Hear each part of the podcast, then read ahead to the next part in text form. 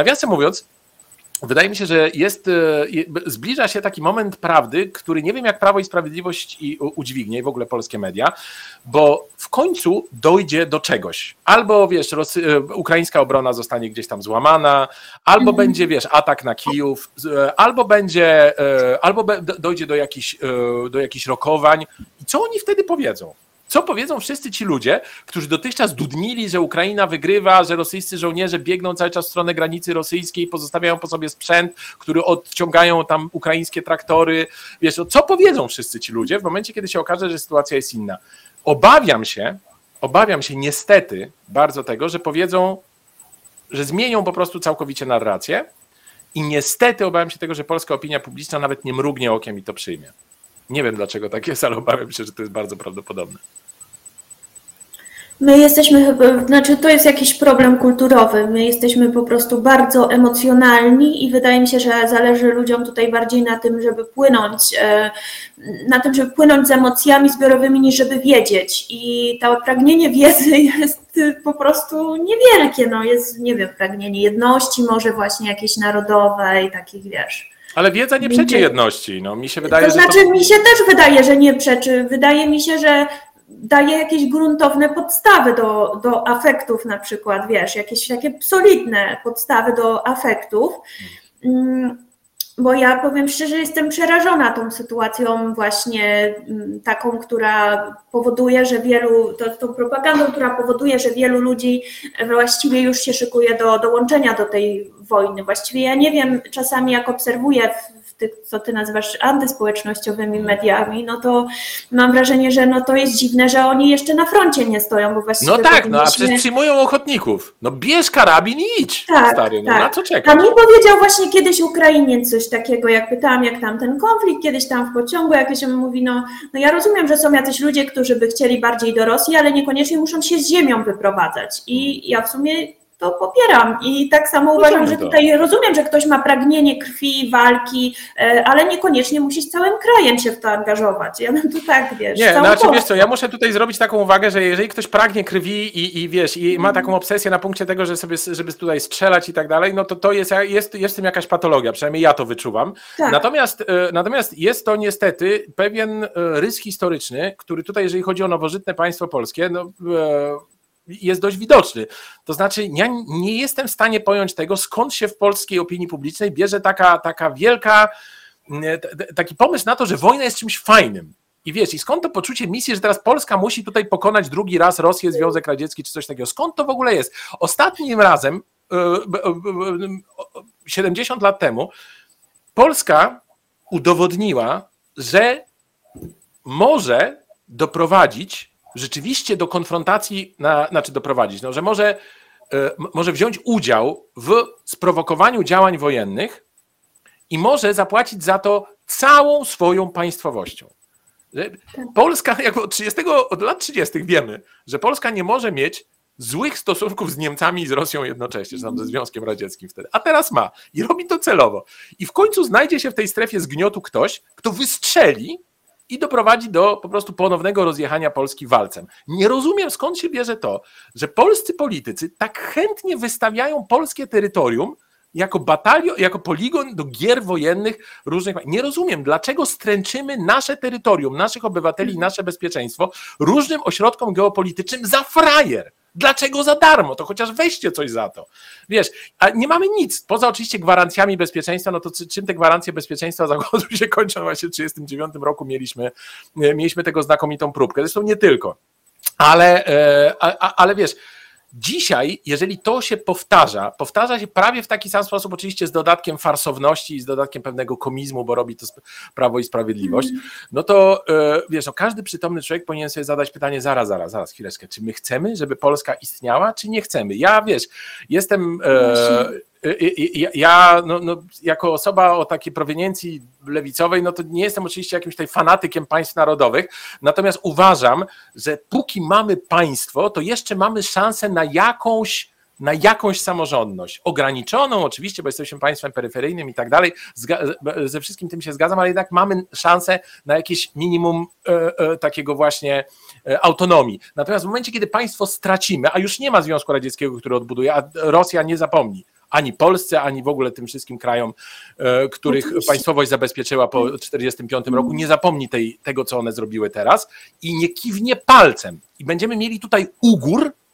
który, na, po, po, którym będziemy chodzili my, nasze dzieci, nasze wnuki i tak dalej. Ja uważam, że to jest szalenie niebezpieczne i to, że to wszystko się odbywa w e, atmosferze takiego, mm, takiego hej do przodu, super, wiesz, takie te polskie piosenki, wojenko, wojenko, pani, hej, kto Polak na bagnety, wiesz, no, e, przybiegli, przybiegli tam łani pod okienko, czy jak to się nazywa, no wiesz, no, jest to jakiś po prostu, przepraszam, ale jest to jakaś prowojenna cepelia, no i wiesz, i z tym trzeba skończyć i polska opinia publiczna musi się opamiętać, a żeby się opamiętać, to jedynym sposobem według mnie jest to, żeby powrócić do jakichś korzeni racjonalnego myślenia. Nie wiem, czy to jeszcze jest możliwe, ale to jest, to, to jest coś, co, no, no, co, o co ja próbuję walczyć. Ale zwróć uwagę, najczęściej co mówią e, ludzie, którzy mają palącą potrzebę wypowiedzieć się na temat tego, że jak bardzo nienawidzą Rosjan, jak bardzo my powinniśmy teraz walkę z Rosją prowadzić. No, oni wyzywają e, ludzi, którzy próbują jakkolwiek no tutaj odrobinę refleksji chociaż wprowadzić od idiotów, no bo przecież wiadomo, że, e, bo im się to tak utożsamia, no wiadomo, że Rosja jest groźna, zaatakowała Ukrainę, wiesz, to zaatakuje nas i my już właściwie powinniśmy, a może już nas właściwie zaatakowała atakując Ukrainę, co też jest takie trochę, szczerze mówiąc, biorąc pod uwagę nasze relacje ukraińskie z Ukrainą, gdzie tam były takie analizy też gdzieś y, takiego trochę kolonialnego stosunku Polski do, do tych terenów, no to jest co no najmniej za no, zastanawiające. Mhm. Więc e, tak, ale też mnie to po prostu przeraża, dlatego że to jest za poważna sprawa. To jest, to jest za poważna e, sprawa, to jest wojna. Czy Ludzie pamiętasz tego... może, jaka była, jakie były dyskusje o powstaniu warszawskim? Pamiętam. Gdzie ta strona opozycyjna tak? Opozycyjna mówiła, krytycznie się od, e, odnosiła. Prawica oczywiście tak, była bardziej tutaj gloryfikowała to, ale były takie głosy, które mówiły, że może popełniliśmy błąd, może było, tej krwi było za dużo, to, było, to już Bez było sensu przelane. Trzeba było się zastanowić, tak? I to w momencie, ja byłam pewna, że ja na tym stoję tutaj w tym społeczeństwie mniej więcej, że to jest ugruntowane, że myśmy przelali tyle krwi, że było, że do, doświadczyliśmy tyle potworności, że w tym momencie będziemy no tym państwem, które będzie mówiło, no potępiamy, tak, ale będziemy, musimy zrobić wszystko, żeby doprowadzić do pokoju, tak? Y, ale no właśnie. W tą no. stronę. A tu się okazało, że cała ta narracja wokół nawet powstania warszawskiego 24 została wykasowana, to się wszystko po prostu zostało wykasowane, tego nie ma, cała, cała nastąpiła właśnie jedność narodowa na drodze ku y, konfliktowi zbrojnemu. Tak, I, tak, tak. tak. Tak. Nie no, absolutnie się z tym zgadzam. Ja muszę ci powiedzieć, że właśnie w tym mi brakuje logiki. To znaczy, usiądźmy i rozmawiajmy. Przyjmuję do wiadomości, że twój dziadek, nie twój, ale no, powiedzmy jakiegoś mojego no. adwersarza, że twój dziadek umarł w powstaniu warszawskim, że to jest dla ciebie ważne. Ale porozmawiajmy też o faktach, które nie są związane ze śmiercią twojego dziadka i z twoją osobistą tragedią albo tra tragedią twojej tak. rodziny. To, że twój dziadek umarł w powstaniu warszawskim, nie czyni z tego powstania czegoś, co musimy my, jako opinia publiczna i jako nie obserwatorzy historiograficzni gloryfikować. I mogę to udowodnić, tak samo jak udowodniała to część tych ludzi, którzy się sprzeciwiali tej kretyńskiej legendzie, która manifestacją największą jest, jest przepraszam, Muzeum Powstania Warszawskiego przy ulicy Okopowej w Warszawie, którego naprawdę no polecam pójść zwiedzić, bo jeżeli pójdziesz tam, przejdziesz przez te wszystkie korytarze, to wychodzisz z takim wrażeniem, że my wygraliśmy to powstanie. Tak samo jak wiesz, jak wygraliśmy drugą wojnę światową i tak dalej, i tak dalej. No więc, e, e, e, więc i to samo dotyczy, przełóżmy jakby tę logikę na kwestię na przykład obecnego, bieżącego konfliktu. Podkreślam jeszcze raz i podkreślam to za każdym razem, chociaż to, zdaję sobie sprawę z tego, że, że, no, że nie powinno się tak robić, że to nie jest dobra strategia, ale robię to dlatego, żeby no, no, żeby nie zarzucić mi, że ja tutaj popieram wojnę napastniczą, albo że nie wiem, trzymam mhm. kciuki za Rosję, albo coś takiego. Nie popieram wojny napastniczej. Protestowałem przeciwko tej wojnie. Gdybym był dzisiaj obywatelem Rosji, prawdopodobnie protestowałbym dalej, byłbym poddany różnym represjom związanym z tym, e, e, e, z tym ruchem. On jest mikroskopijny, co prawda, ten ruch antywojenny tam w Rosji, ale no, no tak, sobie, tak sobie wyobrażam, że prawdopodobnie byłbym jego częścią. Natomiast patrzę na ten rok niemal wojny w sposób przytomny i asertywny, przynajmniej takie mam pretensje. I widzę jedną rzecz, której nie da się zaprzeczyć. Każdy, kto podniesie dziś rękę przeciwko armii Federacji Rosyjskiej na terytorium Ukrainy czy byłej Ukrainy, będzie martwy za godzinę, za tydzień, za miesiąc, za rok, nie wiem. I ja chcę, żeby to się skończyło. W związku z czym zachęcam do tego, znaczy zachęcam, to źle powiedziane, ale próbuję przekazać taką prostą konstrukcję logiczną, że słuchajcie, żeby, żeby to się skończyło, żeby ta masakra nieustająca, ta, ta maszyna, tej, ta, ta maszynka do mięsa przestała działać, to musimy zrobić jakiś, znaczy władze ukraińskie muszą zrobić jakiś gest. Kilka razy nawet próbowały. Tak było, tak było w, na przełomie marca i kwietnia, kiedy Brytyjczycy zablokowali te rozmowy, które najpierw toczyły się w Mińsku, a potem w Ankarze. E, potem było jeszcze kilka takich mniejszych incydentów, ale no, suma summarum nic się nie zmieniło. Cały czas mamy, jeżeli chodzi o kwestie PR-owe, to mamy podbijaną tutaj stawkę, że zaraz wygramy, zaraz odbierzemy Krym, zaraz odbierzemy ten. I że oczywiście armia rosyjska w rozgardiaszu wielkim cofa się i, i, i tego. A z drugiej strony mamy przyznanie Urszuli von der Leyen, że w ciągu całego tego konfliktu dotychczasowego zginęło, zginęło, zostało zabitych, mm. poszło do piachu ponad 100 tysięcy ukraińskich żołnierzy. No oczywiście to oni to potem wycięli, nie wiem czy pamiętasz, tam był taki, ta, ta, taka historyjka z tym, ale, e, ale ona to przyznała i to wszędzie w internecie jest i to można sobie, można sobie to bez problemu odtworzyć. No więc jeżeli mamy do czynienia z taką hekatombą, jeżeli mamy do czynienia z ofiarami tej skali. Ja pamiętam, jak w latach 90.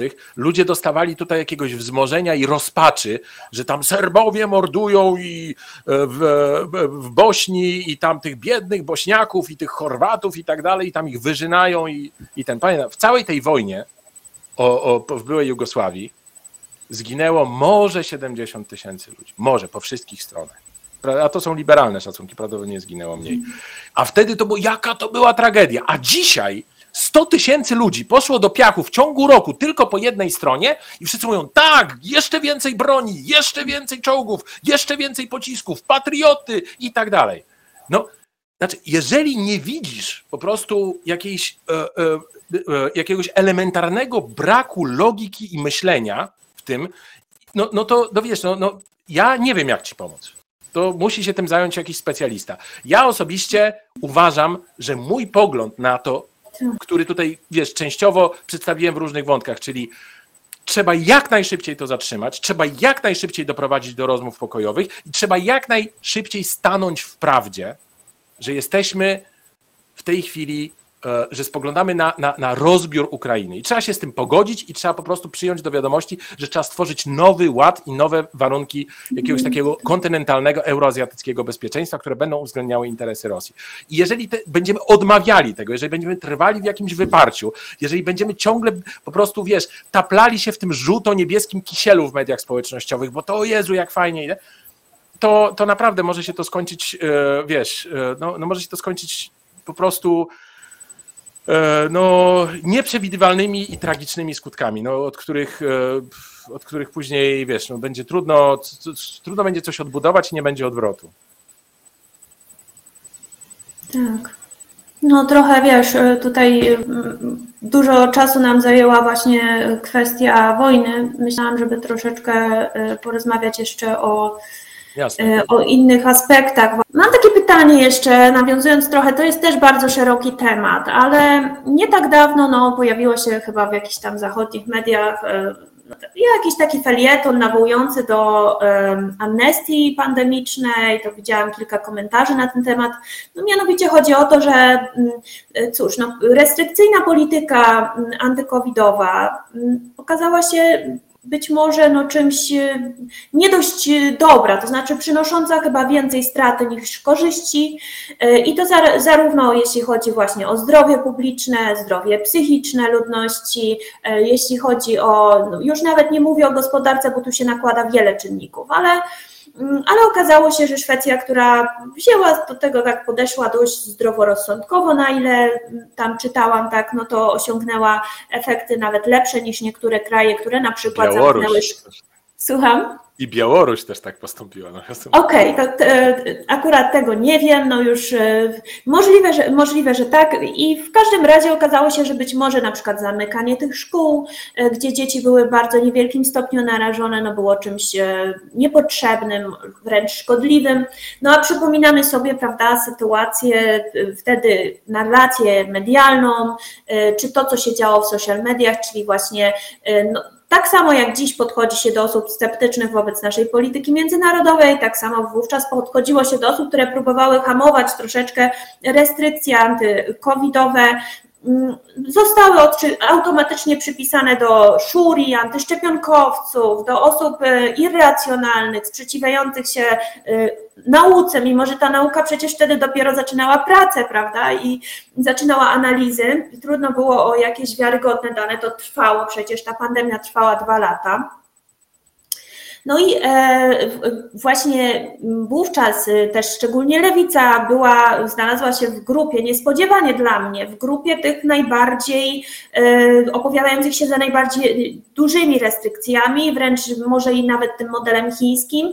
E, pamiętam jak Zandberg sugerował, że prawica protestująca, no to to właściwie są terroryści. Myślę, że imponował im model taki właśnie podejście przyjęte też później przez Kanadę, prawda, ten protest ciężar ciężar, kierowców ciężarówek, e, który gdzieś tam się odbił szerokim echem. E, nie wiem, możesz się też e, ustosunkować jeszcze do tego dyskursu, narracji, tej debaty covidowej, ale przede wszystkim chciałabym zapytać, czy ty dostrzegasz w tym, co się dzieje w debacie publicznej, czy w przypadku COVID-u, czy polityki międzynarodowej, jakiś element walki klasowej?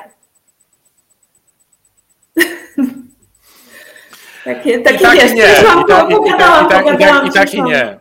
To no. znaczy, dostrzegam jakiś element, bo jeżeli chodzi na przykład o tych kierowców ciężarówek z Kanady, no to tutaj mamy ewidentnie do czynienia z jakąś taką, no to nie był powiedzmy protest taki stricte, można, który, który można by tak stricte zaklasyfikować właśnie klasowo jako, no że to była tylko mhm. klasa pracownicza po jednej stronie, no było tam na pewno jakieś takie elementy, które no, zgodnie z doktryną można by tutaj uznawać za właśnie, nie wiem, e, drobnoburżuazyjnych jakichś tam kupców czy mhm. pośredników czy coś takiego, e, ale wydaje mi się, że w tym kontekście akurat to, nie, to jest to jest aspekt, który, który nie powinien być dominujący, bo moim zdaniem mamy tutaj do czynienia nie tyle z kwestiami ekonomicznymi, jeżeli chodzi o, te, e, o ten e, COVID, o, o ten cały COVID, festiwal COVID-u, że tak powiem, ten karnawał COVID-owy 2021, mm. tylko mamy do czynienia z pewnymi transgresjami ideologicznymi.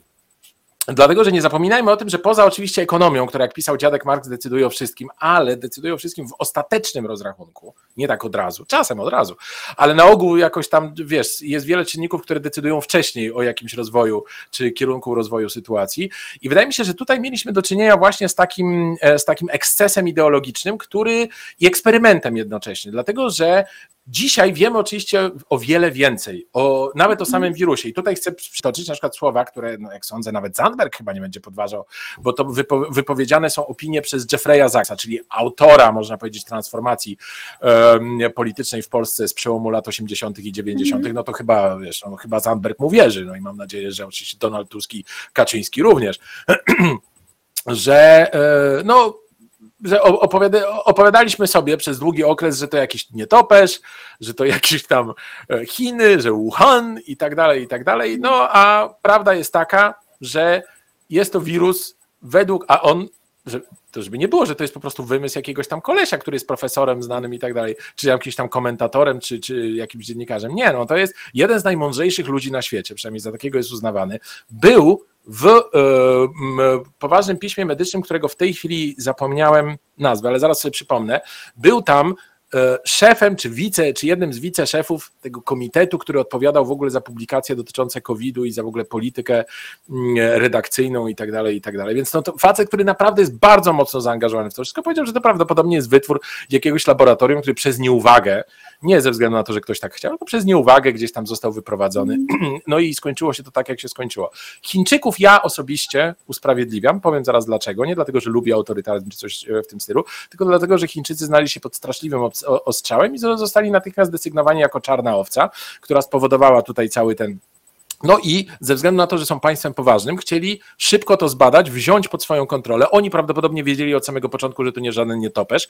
I nawiasem mówiąc, wydaje mi się, że te wszystkie restrykcje, które zostały tak brutalnie i szybko wdrożone i narzucone i bez opamiętania, wydaje mi się, że one też są związane z tym, że prawdopodobnie gdzieś poszła informacja, że dobra, dobra, to są opowieści dziwnej treści o nietoperzu, jedzeniu nietoperzy, czy tam jedzeniu, nie wiem, mhm. nietoperzego, jakiegoś tam odchodów, czy coś podobnego, a tak naprawdę to może to się okazać jakimś niebezpiecznym laboratoryjnym wytworem i myślę, że ze względu na to, ponieważ nikt nie wiedział, czym to się może skończyć, to natychmiast pozamykano wszystko i wszystkich, żeby nie doszło do jakiejś katastrofy, która się kompletnie wymknie spod kontroli.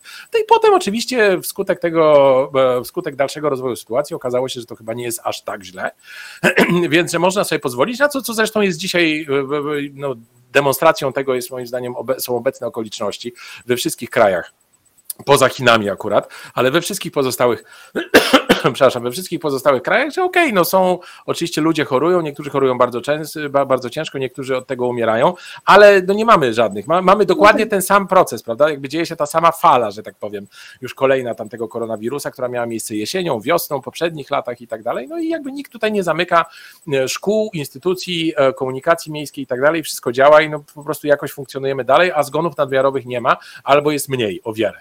Więc, e, więc tak, to jest i to jest jakby jedna rzecz, że tutaj no coś wiedzieliśmy, czegoś nie wiedzieliśmy, no i ta klasa polityczna, że tak powiem, no, w różnych państwach na świecie musiała się jakoś do tego dostosować i musiała się w tej sprawie jakoś porozumieć. Oczywiście porozumienie w tych warunkach geopolitycznych, w jakich jesteśmy w tej chwili, jest bardzo trudne. Pokazuje to chociażby ten wyścig na szczepionki i tak dalej. mamy już szczepionkę chińską, mieliśmy szczepionkę rosyjską, znaczy mamy dalej szczepionkę rosyjską, mamy oczywiście te, które tutaj e, są dopuszczone do użytków e, na tym właśnie kolektywnym zachodzie. Nawiasem mówiąc, okazało się, że to jest znakomity też korupcyjny interes, bo już tutaj powiem przy tej okazji, że Ursula von der Leyen jest całkiem, e, powiedziałbym, całkiem wiarygodnie oskarżana o to, że wzięła 700 milionów euro łapówki od Pfizera. No i wiesz, jakby jest na ten temat. Oczywiście polskie media milczą kompletnie, no ale, ale to jest i to można sobie. Jedna prosta kwerenda w wyszukiwarce internetowej e, pozwoli się zorientować w tej materii. I, e, I więc to jest ten interes. A druga sprawa to jest kwestia tego, w jaki sposób można wykorzystać to do tego, żeby wzmocnić autorytaryzm. Ponieważ autorytaryzm, wbrew temu, co sądzą, e, e, sądzi polska opinia publiczna, czy polscy dziennikarze, czy też ja ich nazywam pracownikami mediów, e, polscy pracownicy mediów sądzą, to nie jest jakaś właściwość taka inherentna, nie wiem, Rosji albo Chin, albo jakiejś tam, nie wiem, Kuby na przykład, tylko to są po prostu ciągoty prawie każdej władzy. E, dlatego, że obywatele zawsze, zawsze no, potrafią namieszać, mogą zrobić różne jakieś tam, e, wiesz, różne nieprzewidywane ruchy, mogą wykonać, no i więc lepiej, im więcej władzy skupionej gdzieś tam w jakichś e, ośrodkach, które mhm. mogą stosować represje, tym lepiej. No i teraz mieliśmy w związku z tym kilka różnych odsłon, kilka różnych odsłon poza tymi, które prawdopodobnie były uzasadnione, tak sobie wyobrażam, jakieś noszenie maseczek w miejscach publicznych i tak dalej, tam częściowe zamknięcia różne, być może to było uzasadnione, ale mieliśmy później taki festiwal rzeczy, które naprawdę były dziadostwem i to każdy, każdy człowiek widział. To znaczy, jeżeli w roku 2021 jesienią wydano rozporządzenie i kazano dorosłym ludziom chodzić w masce na ulicy, w masce wejść do restauracji, w masce przejść przez szatnię i salon, zająć stolik, w masce złożyć zamówienie, siedzieć we czworo czy pięcioro przy tych stolikach, poczekać na przyjęcie jedzenia, na przyniesienie jedzenia, zdjąć maskę i rozmawiać wtedy, zjeść i założyć maskę z powrotem, żeby pójść do ubikacji i potem zdjąć ją z powrotem przy stole, no przepraszam. I co to ma wspólnego z nauką?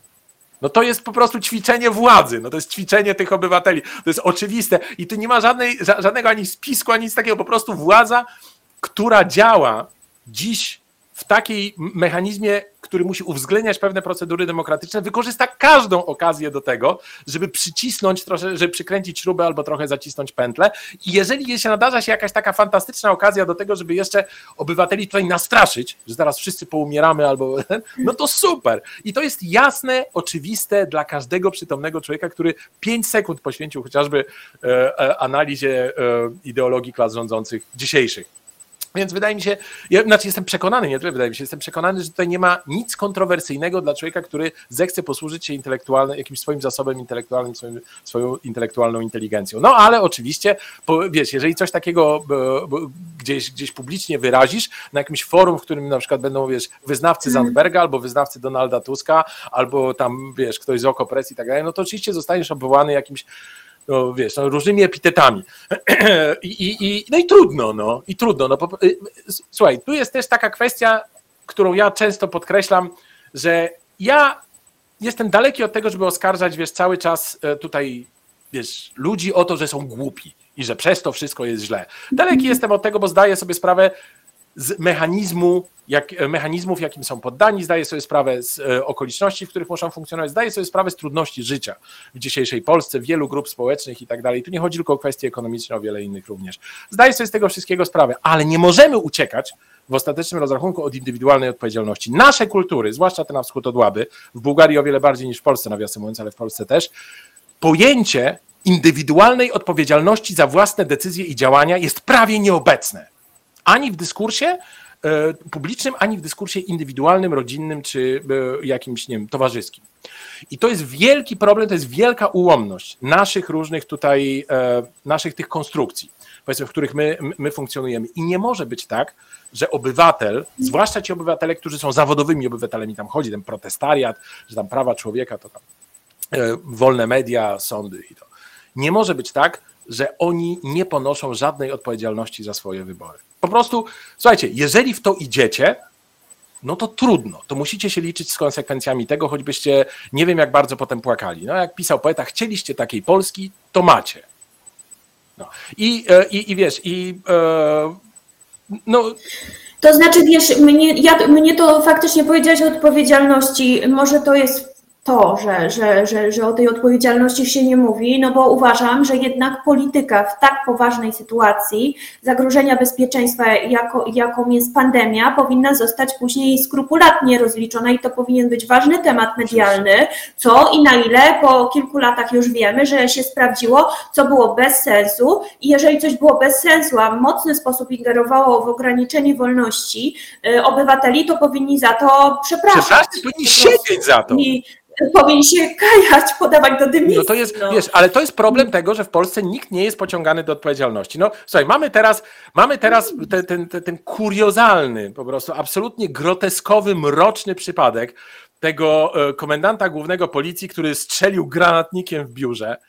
I, I wiesz, no Polska jest pośmiewiskiem na, ca, no, na cały świat, wiesz, a i prokuratora, prokuratura co nadaje mu status poszkodowanego w sprawie. No przecież ludzie, no to naprawdę, to i ten prokurator, i ten sędzia, który to zatwierdzi, i ci policjanci, którzy podążają za śledztwem, które jest oznaczone w taki sposób, wszyscy powinni pójść, e, wiesz, powinni stanąć przed sądem w którymś, w którymś momencie, no. Ale oczywiście to się nie zdarzy, prawda? Wiemy, że to się nie zdarzy. Ludzie, którzy piszą, o 7.50 rano. O 7.50. Ja się zastanawiam, czy oni jeszcze pili, czy już pili o 7.50. To jest ale, ale jest, ale, ale y, ludzie, którzy piszą takie rzeczy, jak Gazeta Polska Codziennie, która na okładce walnęła, że rosyjska prowokacja, której się nie da wykluczyć. No, jakieś, wiesz, tłumaczenia y, no my nie potrzebujemy żadnej Nie potrzebujemy oczywiście, ale tłumaczenia, tłumaczenia rzecznika prasowego Komendy Głównej, który mówi, że to, że komendant nie wiedział, co to jest i zestrzelił. No jak komendant główny policji, który nie wie, jak wygląda granatnik, to, to muszę powiedzieć, że no, wszystko to jest po prostu jakaś taka, to, to jest, to jest no, no, nie mam słów, no nie potrafię tego opisać. I wiesz, i to wszystko się. Kto kiedy poniesie za to odpowiedzialność? A mamy wiele. I Szymczyk, który to zrobił, czyli ten generał wielki e, policji, przecież on też nie poniósł żadnej odpowiedzialności za bardzo wiele różnych innych rzeczy. Mieliśmy ekscesy z tymi policjantami, którzy molestowali babcie, które wiesz, protestowały, były w tych lotnych komandach opozycji, które były pilnowane przez, e, wiesz, przez policjantów w sklepie, gdy stały, wiesz, w kolejce po serek wiejski i chleb mm. i tak dalej. Mieliśmy wycieki o tym, że policjanci korzystają z WhatsAppa i że wiesz, i że tam wyciekają informacje ze śledztw i tak dalej, nikt nie poniósł żadnej odpowiedzialności. Mało tego, nie ma odpowiedzialności za jakieś wyra Rysio Czarnecki, facet, który wyłudził 100 tysięcy e, euro i musiał zwracać za to, że udawał, że jeździ ze złomowanym już samochodem, jeszcze mówił, że nie z Warszawy, tylko z Jasła, żeby wiesz, wy, wyłudzić kilometrówki. Koleś cały czas dalej jest zapraszany do mediów, jest komentatorem, jest po prostu, e, wiesz, e, oratorem, który, który podbudowuje narrację strony rządzącej. Marian Krzaklewski, przypomnę, to już ludzie nie pamiętają, ale to z okresu najbardziej destrukcyjnego rządu w historii III Rzeczpospolitej, czyli rządu Mariana Krzaklewskiego, podobno Jerzego Buzka, ale tak naprawdę wiadomo, że Krzaklewski tym rządził. Wielki tutaj opozycjonista i wielki związkowiec, który nawiasem mówiąc też zasłynął z tego, że poprowadził w pewnym momencie demonstrację Solidarności przeciwko własnemu rządowi. To było też kuriozalne. I też nikt nie poniósł za to odpowiedzialności. W debacie powiedział, że powiedział expressis verbis, że kobiety, które zostały zgwałcone, nie powinny mieć prawa do usuwania ciąży. Zrobił gigantyczną karierę potem. Nikt go nie rozliczył za te słowa. My po prostu nie rozliczamy panów. Tak się zastanawiam w ogóle to, co teraz powiedziałeś, no to jeśli ktoś, e, wydaje mi się, że to jest chyba największa nasza broń, tak, jeśli ktoś się wybiera na wojnę, to myślę, że, nasza nieobliczalność w zakresie po prostu to, to, to jest trudno przewidzieć, to znaczy trudno opracować strategię, która miałaby przeciwdziałać naszemu, nie wiem, samowysadzaniu się, czy tak, samo, tak, samodestrukcji naszej. To, to, jest, to jest niesamowite. Przypomnij sobie naszą wielką mobilizację militarno-policyjną, gdy grupa dwóch tysięcy w porywach, tam niektórzy twierdzili, że siedem albo osiem nawet, ośmiu, no załóżmy, że dziesięciu, dziesięciu tysięcy, e, wiesz, ludzi z Bliskiego Wschodu i tam jakichś krajów e, środkowej Azji chciała przejść przez Polskę do Niemiec i Holandii to my tutaj, wiesz, zrobiliśmy stan wojenny, kurczę, wiesz, tam 15 tysięcy wojska, policji, żandarmerii wojskowej i tak dalej. Czym się skończyła ta wielka operacja? Poza oczywiście śmiercią z wychłodzenia, wygłodzenia i tak dalej, wielu tych osób, wiesz, biedaków, którzy tam próbowali te granice przekroczyć. Czym się skończyła? Trzema śmierciami z powodu zapoju alkoholowego i jedną spektakularną dezercją na Białoruś. No, no ludzie, no jakby i wy chcecie pokonać Rosję? Wy, kurczę, no wy po prostu no weźcie się galopnijcie trochę. No te, dopiero co mieliście tutaj generał policji strzelił granatnikiem i rozwalił kurczę pół komendy. I oni chcą iść na Rosję. No, no przecież to no jest jakaś, to jakaś katastrofa mentalna, no. No, tak, tak. To myślę, że to jest najbardziej, to już powinno każdego, jeśli nie ma jakichś innych takich racjonalnych argumentów, to jednak powinny być, no nie wiem, to, to, to dotychczasowe nasze doświadczenie. No ale no, wiesz, no, to znowu musimy się odwołać do tego, słuchajcie, albo sobie, sobie to wiesz, e, staniecie w prawdzie i we własnym sumieniu, jak to się mówi w kościele, się tym jakoś zajmiecie i spróbujecie wyciągnąć z tego wnioski, albo nie. I to jest, wiesz, wasz wybór, no. To jest, ja na to nie jestem w stanie wpłynąć.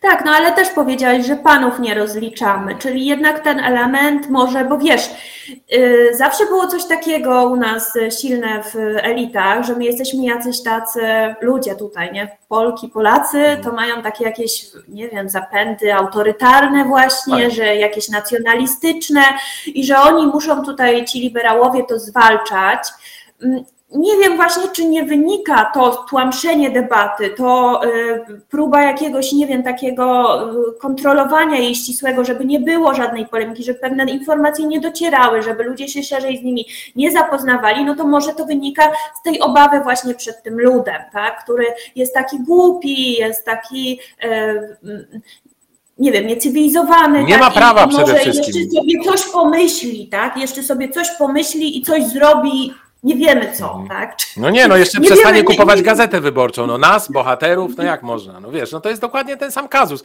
Znaczy mitomania polskich elit to jest w ogóle mitomania polskiego inteligenta. Ja na ten temat wielokrotnie rozmawiałem z e, moim redaktorem naczelnym Maciejem Wiśniowskim w portalu Strike, że właśnie, no, no wiesz, on to obserwuje od dłuższego czasu, jest wiesz, facetem, który no, zjadł zęby na dziennikarstwie 35 lat, wiesz, w różnych e, dziennikach, tygodnikach i tak dalej, w tym, w tamtym systemie. No i jest, i to jest problem, to jest pewne kontinuum. To znaczy polski inteligent nie ma samodzielności samodzielności intelektualnej, boi się wszystkiego, trwa w kompleksach i w związku z tym jedyne, co może zrobić, przepraszam za wyrażenie, to in, spróbować inteligentnie dać dupy.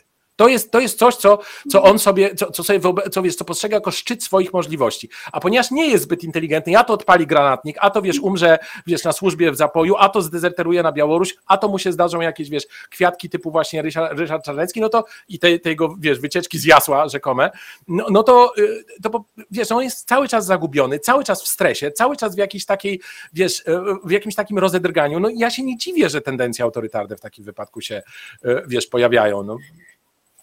Muszę to wtrącić, bo ostatnio ja naprawdę staram się nie śledzić od jakiegoś czasu e, tych głównych e, polskich mediów, ale jakoś weszłam i dziennikarzy, weszłam jakoś na kanał Elizy Michalik, ona tam mówiła o, o tym, jak wspaniałą kandydatką na prezydentkę będzie Beata Szydło i zachwalała przez 15 minut to, jaką faktycznie przekonała mnie to, że ja naprawdę sama nie, nie sądziłam, ale ja bym mogła na panią Beatę tutaj zagłosować po prostu po, po tej prezentacji, którą ona tam wykonała. Wykonywała z takim jakby no zamiarem pogrożenia tej stronie opozycyjnej, że jak wy tutaj nie wystawicie kogoś, czegoś nie zrobicie, to wygra ta zła kandydatka. Czyli mhm. rozumiesz, to myślnie, my mamy przecież rację, ale zobaczcie, oni tutaj mają jakąś taką strategię nietypową i tą strategią jest Szydło, po czym ona prezentuje Szydło jako wspaniałą kandydatkę na prezydentkę, no bo z doświadczeniem na wszystkich szczeblach, y, potrafiącą jednoczyć, z wizerunkiem typowej Polki, potrafiącą przemawiać i tak dalej. Tam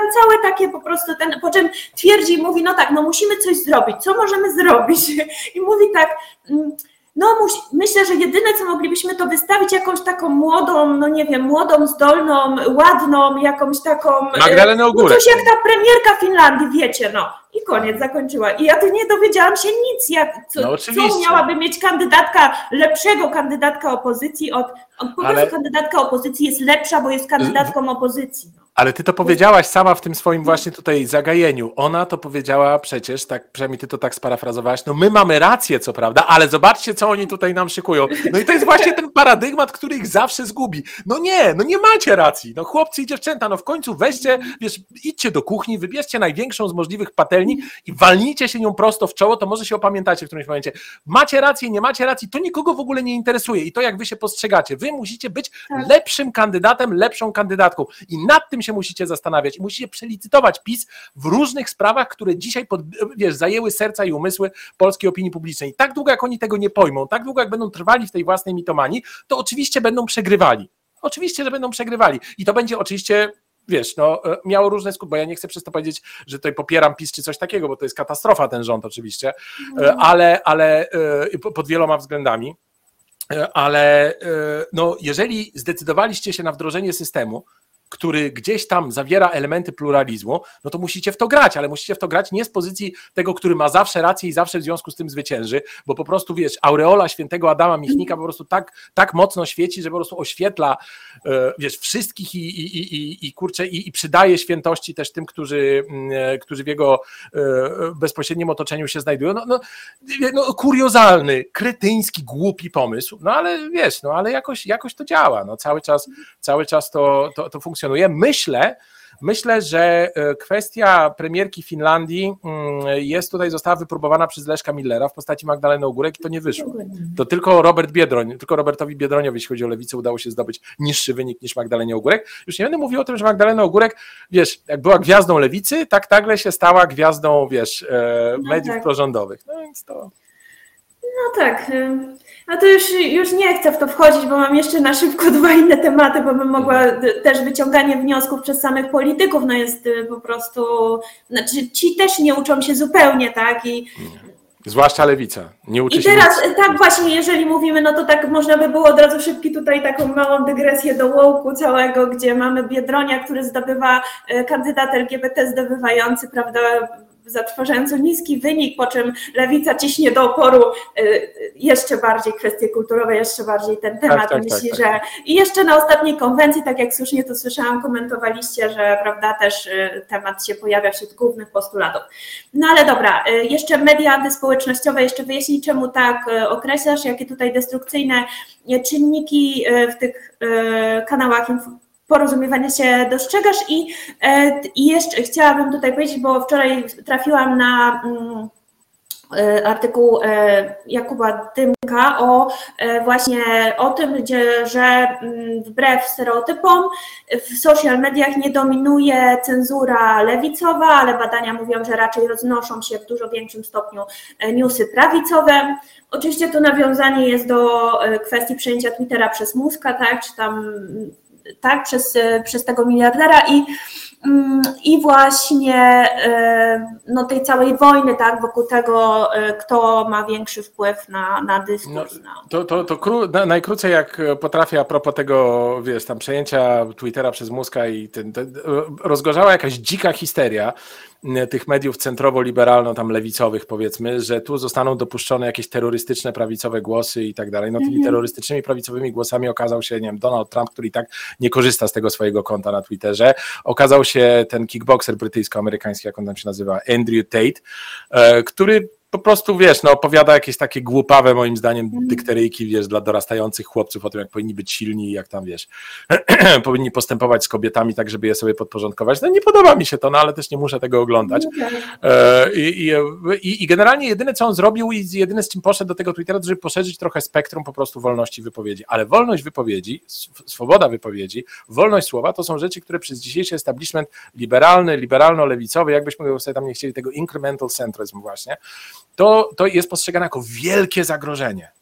I to jest też związane z tymi wszystkimi niuansami politycznymi i zagadnieniami międzynarodowymi, o których mówiliśmy wcześniej, dlatego że wymyka im się wszystko spod kontroli. Tak długo jak były media właśnie, no powiedzmy, zdominowane przez różne ośrodki, one były bardziej rozproszone niż teraz kiedyś, ale jednak to była, wiesz, no była jakaś kontrola, był papier, był cykl wydawniczy, można było wszystko jakoś uporządkować, obserwować, wyciągać wnioski, reagować, wiesz, na czas. Natomiast teraz wszystko się wysypało, gdy Twitter i Facebook zwłaszcza zrobiły karierę, później Instagram do tego dołączył, ale, e, a, a, ale na początku ja byłem wielki, bardzo zafascynowany, bardzo powiedziałbym, e, miałem pozytywny stosunek do tych platform e, typu Facebook właśnie, dlatego, że one umożliwiały dyskusję realną, ciekawą, interesującą dyskusję. Po czym oczywiście nadeszła cenzura, gdy tu się okazało, że zaraz, zaraz, no nam się poprzewracało, e, wiesz, w głowach, bo tu od, wiesz, dobrobytu informacyjnego i komentarzowego, więc nie, to tak nie może być i zaczęli przycinać. I teraz możemy dyskutować o Jezu, no, do jutra, czy to były, wiesz, czy bardziej sekowano prawicowców, czy bardziej sekowano lewicowców, co to w ogóle dzisiaj znaczy lewica, nawiasem mówiąc, to też jest ciekawe pytanie moim zdaniem w tym kontekście. E, więc e, ja e, stawiam taką tezę, jak amerykańscy dziennikarze, ci, których już jest niewielu, ale jeszcze jest kilku takich, których szanuję, którzy mówią, no, stawiają tak, jakby w ten sposób to wyjaśniają. Znaczy, zaczyna się wszystko od oczywiście prawicowej szuli, którą jest najłatwiej, najłatwiej jakoś, najłatwiej obwołać e, szkodliwym, patologicznym elementem, no tak jest, no jakiś Alex Jones czy coś podobnego, no to rzeczywiście to jest patologiczny element, no i są też trochę śmieszne, znaczy wydaje mi się, że on nie jest aż taki niebezpieczny, jak go rysują, bo opowieści o tym, że światowe lobby gejowskie, wiesz, e, e, jest, stoi z jakimiś eksperymentami genetycznymi na żabach, żeby te żaby miały, wiesz, jakieś skłonności homoseksualne i tak dalej, że on to wyłapał i zaobserwował. No, no, oczywiście opowieści o tym, że strzelaniny na przykład różne w Stanach Zjednoczonych, które się rzeczywiście miały miejsce, a on twierdzi, że nie miały miejsca albo że były jakimś spiskiem, no to już trochę graniczy z jakąś paranoją, która może rzeczywiście jest niebezpieczna, ale na, na, na, na, na litość, e, wiesz, Boga katolickiego, prawosławnego i wszystkich innych, no przecież Andrzej Duda, albo Joe Biden wygadują o wiele gorsze i bardziej niebezpieczne rzeczy, kurczę, codziennie wiedząc, z kim rozmawiają, do kogo mówią i robią to z premedytacją. Naprawdę. Chociażby to, co ty mówiłaś tutaj w kontekście nawoływania i podżegania do wojny. Więc, e, e, więc też bym tutaj jakiejś specjalnej, specjalnie się tym nie ekscytował, ale tak, zaczyna się od takich ludzi, a kończy się na ludziach, którzy, którzy są, należą do tej grupy badających prawdę. To rozmawialiśmy o tym na początku naszej rozmowy. Tych, którzy kopią te tunele pod, wiesz, pod tymi nawałami propagandowymi, żeby dojść do jakiejś w miarę wiarygodnej informacji i spróbować ją podać opinii publicznej, którzy poświęcają własny czas, pieniądze, energię, wszystkie zasoby, które mają tylko po to, żeby po prostu mm, zademonstrować albo, a, albo przekazać prawdę. Więc, e, więc dziś niestety, a media antyspołecznościowe to jest część tego, co ja nazywam e, takim systemem anestezjologicznym który według mojej oceny jest właśnie, mm, jest właśnie sączony, podawany opiniom publicznym na tak zwanym kolektywnym zachodzie, żeby one przyjęły z dobrodziejstwem inwentarza dokręcanie śruby i zwiększanie tendencji autorytarnych. W Unii Europejskiej, w Stanach Zjednoczonych, w Kanadzie, w, w Australii to nie tylko COVID, to o wiele różnych innych rzeczy chodzi. Mm, I bo, bo, bo to jest tak, żeby, żeby mm, jakby to tutaj kurczę opisać, e, to tak, żeby to jakoś zabrzmiało sensownie i wiarygodnie. No, Złóżmy sobie to wszystko do kupy. Mamy po jednej stronie media społecznościowe, które angażują ludzi, którzy biją pianę, tam wiesz, uważają, że to jest jakaś emanacja faktycznego świata, a tak naprawdę po prostu zamieszkali swoją świadomością na Facebooku, Instagramie czy gdzieś tam. Wiesz, przejęci są tym, żeby cały czas, wiesz, produkować nowy content i żeby podbijać sobie popularność. Popularność w ogóle mhm. stała się tutaj, ta, ta taka popularność właśnie budowana przez media społecznościowe stała się jakimś totemem w ogóle takim, że tutaj trzeba się modlić do tego i trzeba do tego tak. dążyć. Ten. E, oczywiście te media antyspołecznościowe ze względu na to, że dyskusja została usunięta albo jest cały czas usuwana, no to już pozostaną tylko tam kotki, pieski, śmieszne rzeczy, filmy typu TikTok, e, wiesz, i e, oczywiście i kobiety, które tam eksponują atrybuty, wiesz, swojej kobiecości na różnych e, profilach. Tego sobie dodaj teraz tak, legalizacja marihuany, legalizacja narkotyków, e, normalizacja prostytucji, e, wiesz, oczywiście przemysł pornograficzny, który robi zawrotną karierę, wiesz, i te wszystkie takie, cała ta, cała ta konstrukcja, która ma po prostu pobudzić człowieka sensorycznie, i go wiesz, i go jakoś tak e, i tak jakoś nim zachwiać, a potem, gdyby jemu się przydarzyła jakaś, nie wiem, jakiś taki epizod depresyjny albo coś, coś podobnego, co jest związane z bezsensem życia w ten sposób, oczywistym dla każdego przytomnego człowieka, no to mu się oferuje, jest prawda, cała promocja tych chorób psychicznych, a może masz ADHD, a może autyzm, a może, jest nawiasem mówiąc strasznie obraźliwe dla takich ludzi jak ja, bo ja mam córkę autystyczną, naprawdę autystyczną, nie jakieś tam, wiesz, wymysły. I, i, i to, i wiesz, i ta próba takiej, takiej właśnie normalizacji, no nie wiem jak to nazwać, ta próba jakiejś takiej patologizacji w ogóle tego tego tematu jest, jest dla mnie osobiście strasznie bolesna, no ale to tam inny temat. I, I wiesz, no mamy ten taki dziwny konglomerat, który ma służyć temu, żebyś ty był spokojny, zadowolony, nieszczęśliwy, tylko zadowolony po prostu doraźnie i oczywiście do tego dochodzi promocja hedonizmu jakiegoś takiego obłędnego, zwłaszcza przez lewicę, no, ale to tak, tak już jest. No, jak się nie ma nic do zaproponowania, no to się właśnie proponuje takie jakieś, wiesz, cukiereczki. E, I, e, i, i, i, a w tle tego wszystkiego będą się rozgrywały różne procesy poważne, które mogą zagrozić autentycznie, wiesz, no po prostu zamkniemy, zostaniemy zagonieni do tej, do tej takiej patologicznej banieczki i będziemy musieli w tym Matrixie jakoś funkcjonować i naprawdę będzie bardzo trudno się z tego wymotać.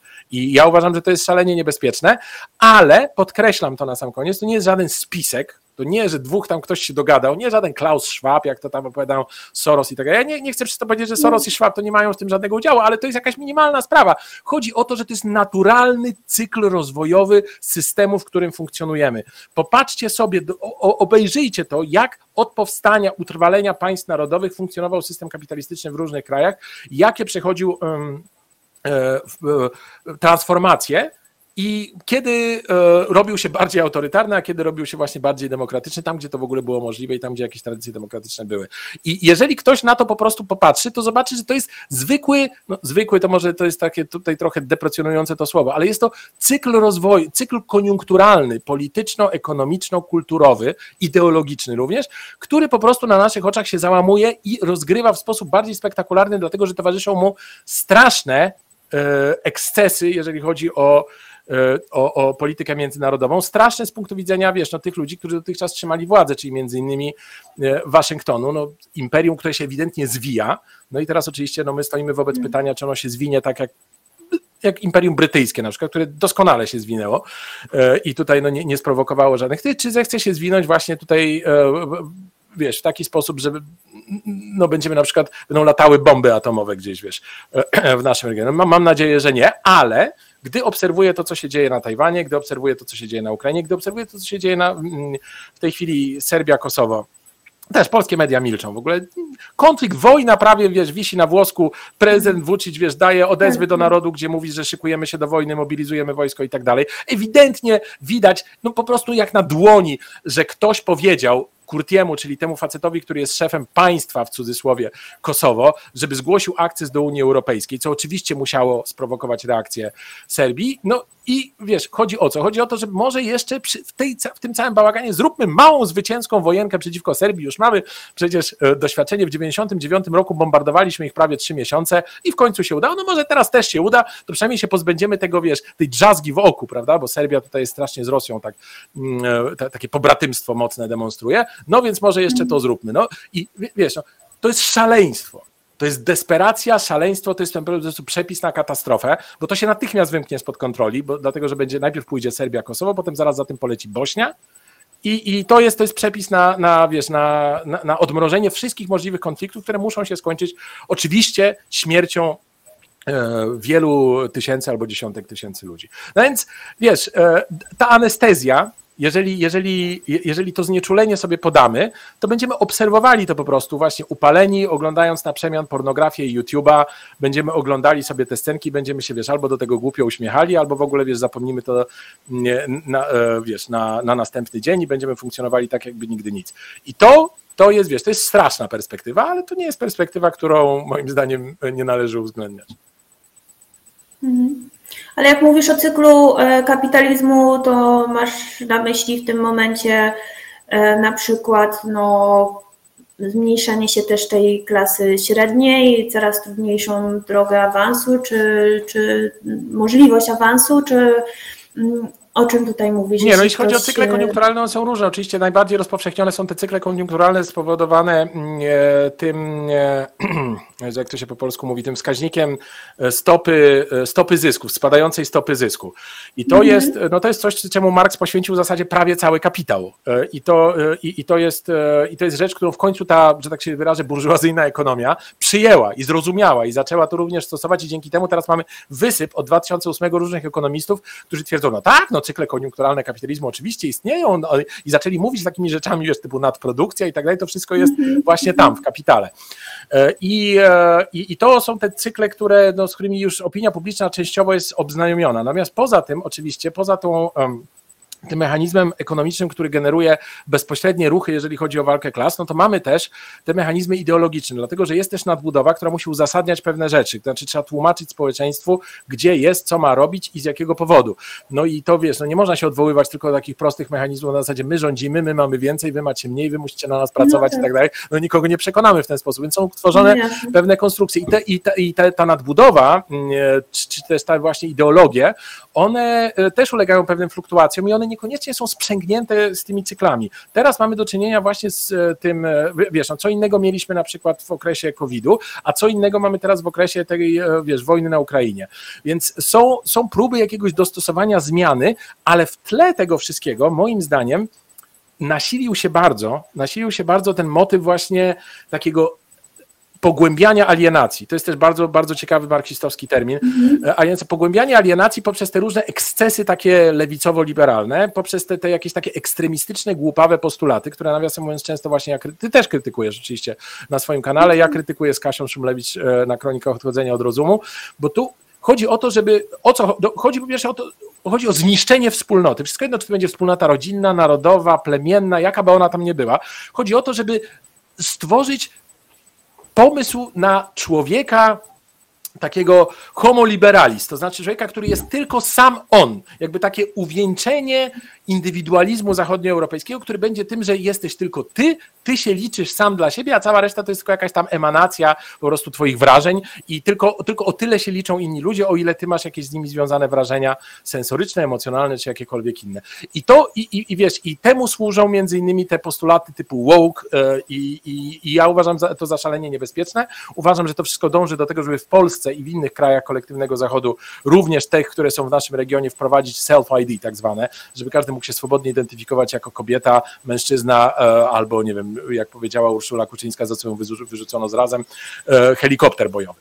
No i, e, i wiesz, i, i ja uważam, że, że należy się temu sprzeciwiać i paradoksalnie w naszych krajach, które są przecież zacofane, okropne, nie mają doświadczenia z demokracją, praw człowieka, nie rozumieją Zachodu, tralala i tak dalej, w naszych krajach będzie to łatwiejsze prawdopodobnie, dlatego że pomimo oczywiście pewnych deficytów, jeżeli chodzi o tam, nie wiem, no, demokrację, czy jakieś takie rzeczy, które są związane powiedzmy z tą dominującą kulturą polityczną dzisiaj, to jednak zachowaliśmy jakieś takie elementy humanistyczne przetrwały w nas, które odróżniają nas od, od, od społeczeństw zachodnich, które dzisiaj są po prostu konsumpcyjnymi broilerami i, i, i którymi naprawdę można, yy, i to pokazały te ostatnie dekady, którymi można, wiesz, no, manipulować w sposób prawie dowolny. I to nie mówię o COVID-zie, mówię jeszcze o, o, o latach 2007-2011, kiedy zrujnowano cały Zachód, kiedy po prostu doprowadzono do katastrofy ekonomicznej na niespotykaną skalę, w zasadzie podobną do tej z, z lat 30.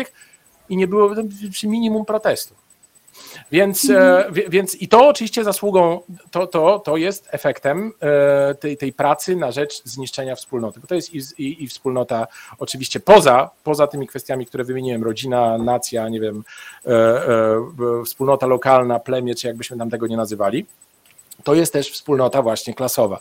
To jest wspólnota związku, w związkach zawodowych, które już wiesz, no, są rozklepane jak młotkiem do mięsa. No dobra, to właśnie to jest bardzo ciekawe jest tutaj, jeśli do łoku y, schodzimy, że lewica pomogła zbudować jakąś taką świadomość różnym grupom. Wykorzystując te tradycyjne narzędzia podziału na klasy, pomogła zbudować świadomość, bo z tego się wykluł gdzieś tam też ten ruch feministyczny drugiej fali, prawda, z tego, że y, no, zobaczą, dostrzegły kobiety tak, że można tutaj naszą sytuację też w ten sposób interpretować, podobnie do, e, do klas e, ekonomicznych. I e, później na tej kanwie gdzieś tam dalej pojechano jeszcze z innymi grupami, wzbudzono w nich poczucie tożsamości jakiejś wspólnoty, takiej, tak? I teraz dąży ta sama lewica do całkowitego rozbicia tego, do zniszczenia tego, do rozbicia całej sensu całej polityki antydyskryminacyjnej, moim zdaniem, w różnych wymiarach. Oni tego nie mówią wprost, oni dobią to po prostu do absurdu, do takiej sytuacji, w którym to się, sytuacji, w której to się staje niemożliwe. Jedyne, co można zrobić, to można cofnąć się. Zresztą to mówią na przykład, jak się czasami tutaj dam w jakąś dyskusję, ci polscy lewicowcy, no, że teraz to uniwersalizm. Nie, nie polityka tożsamości, tylko teraz to uniwersalizm. No ale wiem, najpierw to, to oni tak naprawdę pomogli w tą świadomość naszą wybudować, tak? Wiesz co, wydaje mi się, że to trochę jest też tak, że oni, e, jakby ta klasyczna lewica, powiedzmy, ta, która no tam, wiesz, e, przez ostatnie 150 lat funkcjonowała głównie w oparciu o jakieś zakorzenienie w ruchu pracowniczym, no to rzeczywiście ona coś tam pomogła załatwić. No to tego się nie da ukryć. No fakt, że nie pracujemy w soboty i niedzielę, to oczywiście jest nam odbierane i tak dalej. Fakt, że wiesz, powstał Związek Radziecki i cały blok wschodni, fakt, że e, wiesz, z odpowiedzią Zachodu była e, masowa socjaldemokratyzacja e, państw, wiesz, zwłaszcza w Europie, ale również w Stanach Zjednoczonych, w Kanadzie, w Australii, w wielu różnych miejscach. Fakt, że no wiesz, no dokonano no, niesamowitych transgresji, jakby zmieniono bieg historii w zasadzie. To tak, no to w tym sensie oczywiście lewica pomogła, ale Problem polega na tym, że te dwa modele, które się wyłoniły w e, historycznym procesie, czyli model radziecki i model e, tego zachodnio-socjaldemokratyczny, one oba splajtowały pod wpływem e, gigantycznego nacisku w latach 80. klas rządzących w różnych krajach, bo to nie tylko Thatcher, tam jest bardzo wiele, i Reagan i tak dalej. Cały ten neoliberalny, cały ten neoliberalny szturm rozmontował te, te dwa systemy. I moim zdaniem lewica poległa wtedy. Nie poległa ze względu na to, że coś przegrała, bo każda doktryna czasem przegrywa, ale poległa ze względu na to, że nikt się nie rozliczył z tego. Nikt nie, nie podjął trudu zastanowienia się. Oczywiście teraz są jednostki, a je znam nawet, wiesz, które próbują to wszystko zebrać do kupy. Dlaczego, dlaczego to upadło i dlaczego my właśnie nic nie zrobiliśmy? Dlaczego nie, nie zrewidowaliśmy naszych, naszej doktryny i dlaczego nie zaproponowaliśmy jakiejś jej, wiesz, zupdate'owanej wersji? Dlaczego tego nie zrobiliśmy? Ja, to jest nasza wyłącznie odpowiedzialność. Nikt przecież tutaj, wiesz, nikt nam tego nie zabraniał robić. E, I, i, e, i, i wiesz, my sami po prostu walkowerem oddaliśmy jakoś e, i, i powędrowaliśmy właśnie prowadzeni za rękę przez ten, tego strażnika neoliberalnego, którego do dzisiaj większość lewicowców ma w swojej głowie, powędrowaliśmy za rękę, wiesz, przeszliśmy na święty, do, do świętego kościoła neoliberalnego, wszyscy, nawet ta, takie, wiesz, nawet tacy zatwardziali, można powiedzieć, zatwardziałe komuchy, jak Jerzy Urban, przecież też to zrobili. Więc no, zrobiliśmy, zrobiliśmy gigantyczny błąd. E, popełniliśmy moim zdaniem jakiś, no, no jakąś. E, wypisaliśmy sobie receptę na katastrofę i nie, jakoś nie chcemy zrobić kroku wstecz. Nie rozumiem tego. E, tak jak powiedziałem, są jednostki, które próbują się jakoś tym wszystkim ogarnąć, ale jeżeli chodzi o lewicę, tę powiedzmy na globalnej północy czy na kolektywnym zachodzie, to ja, ja jestem bardzo pesymistyczny. E, wydaje mi się, że, e, że tutaj mamy do czynienia z ciągłym jakimś takim nieporozumieniem, które, które bardzo, przez, przez które bardzo trudno jest się przebić. I, e, i, i właśnie to ta, ta kapitulacja wobec tych, wiesz, postulatów prawicowych w gruncie rzeczy, jakichś tam liberalnych, które, które no, dążą do destrukcji wspólnoty i które, no, które są prze, przeciwne, no co do których nie może być wątpliwości, że formułują je nasi wrogowie polityczni. No jest to, moim zdaniem bardzo trudno będzie to odrobić. Nie wiem, trudno jest mi sobie wyobrazić, że, że, że to jest możliwe. No. Dobrze, a y, tak nawiązując jeszcze, żeby cały czas spinać to kwestią mhm. może tych mediów i, i wypowiedzi, mhm. e, to dlaczego w Polsce nie było zaangażowania w powstanie jakichś lewicowych mediów? Czy dlatego właśnie, że właściwie od właściwie tutaj nie istnieje żadna lewica od, od zmian mm. ustrojowych, tylko właściwie tutaj mamy jakieś takie jednostki, które bardziej mają interesy liberalne i, i, i faktycznie mm. próbują gdzieś tam dochodzi do jakiejś takiej, bo wiesz, wiedzę, którą mamy, no to ja tak odbieram, że to są osoby, które opracują z poleniem swoich rodziców o jakieś tam wpływy w środowisku elitarnym, tak, czyli no takim, jakie my mamy, czyli wśród inteligencji, no to chodzi o kilka grantów z jakiejś tam fundacji, to chodzi, co prawda te akurat trochę dostaliśmy z, z zagranicy już, jakieś tam nowe, tak, właśnie pod LGBT, zamiast na przykład Fundacji Batorego,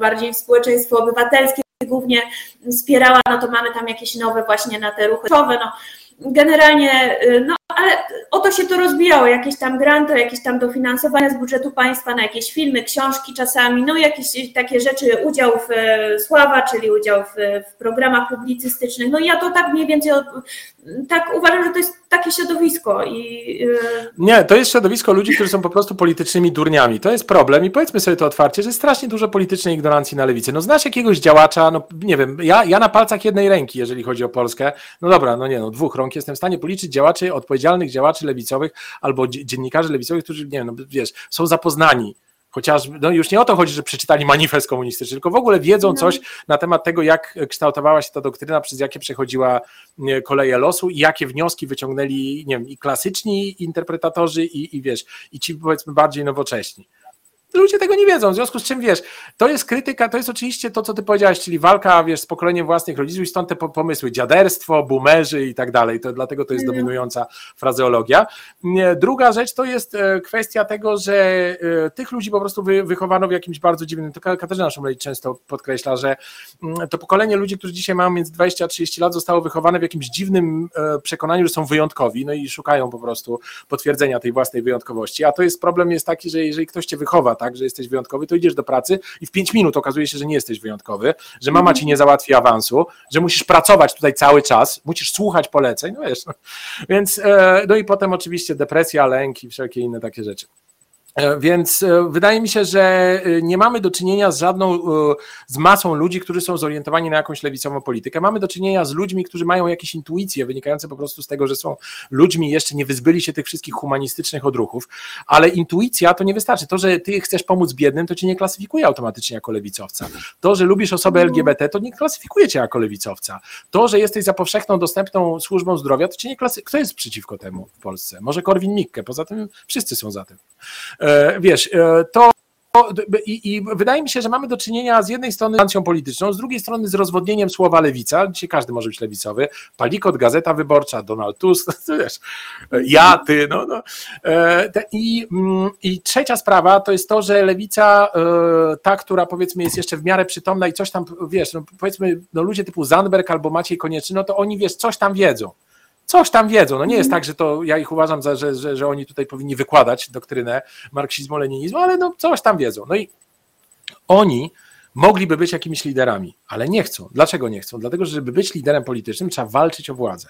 Lewica nie chce żadnej władzy. Lewica chce operetki. Swojej takiej, wiesz, operetki, która będzie gdzieś na, na, na, na na peryferiach systemu politycznego. Jeszcze jak się uda 6-8% wyrwać w parlamencie, żeby tam do jakiejś synekury się mm, sobie, wiesz, wykopać e, dostęp, no to super.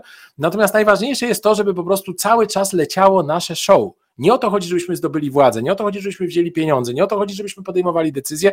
Chodzi tylko i wyłącznie o to, że mamy taki lifestyle że po prostu będziemy częścią społeczeństwa obywatelskiego, że będziemy lewicowym skrzydłem establishmentu, że będziemy mówili fajne rzeczy i będziemy krytykowali tych, którzy mówią niefajne rzeczy i będziemy w ogóle robili z siebie jakichś trybunów ludowych, ale nie daj Boże takich, od których cokolwiek zależy.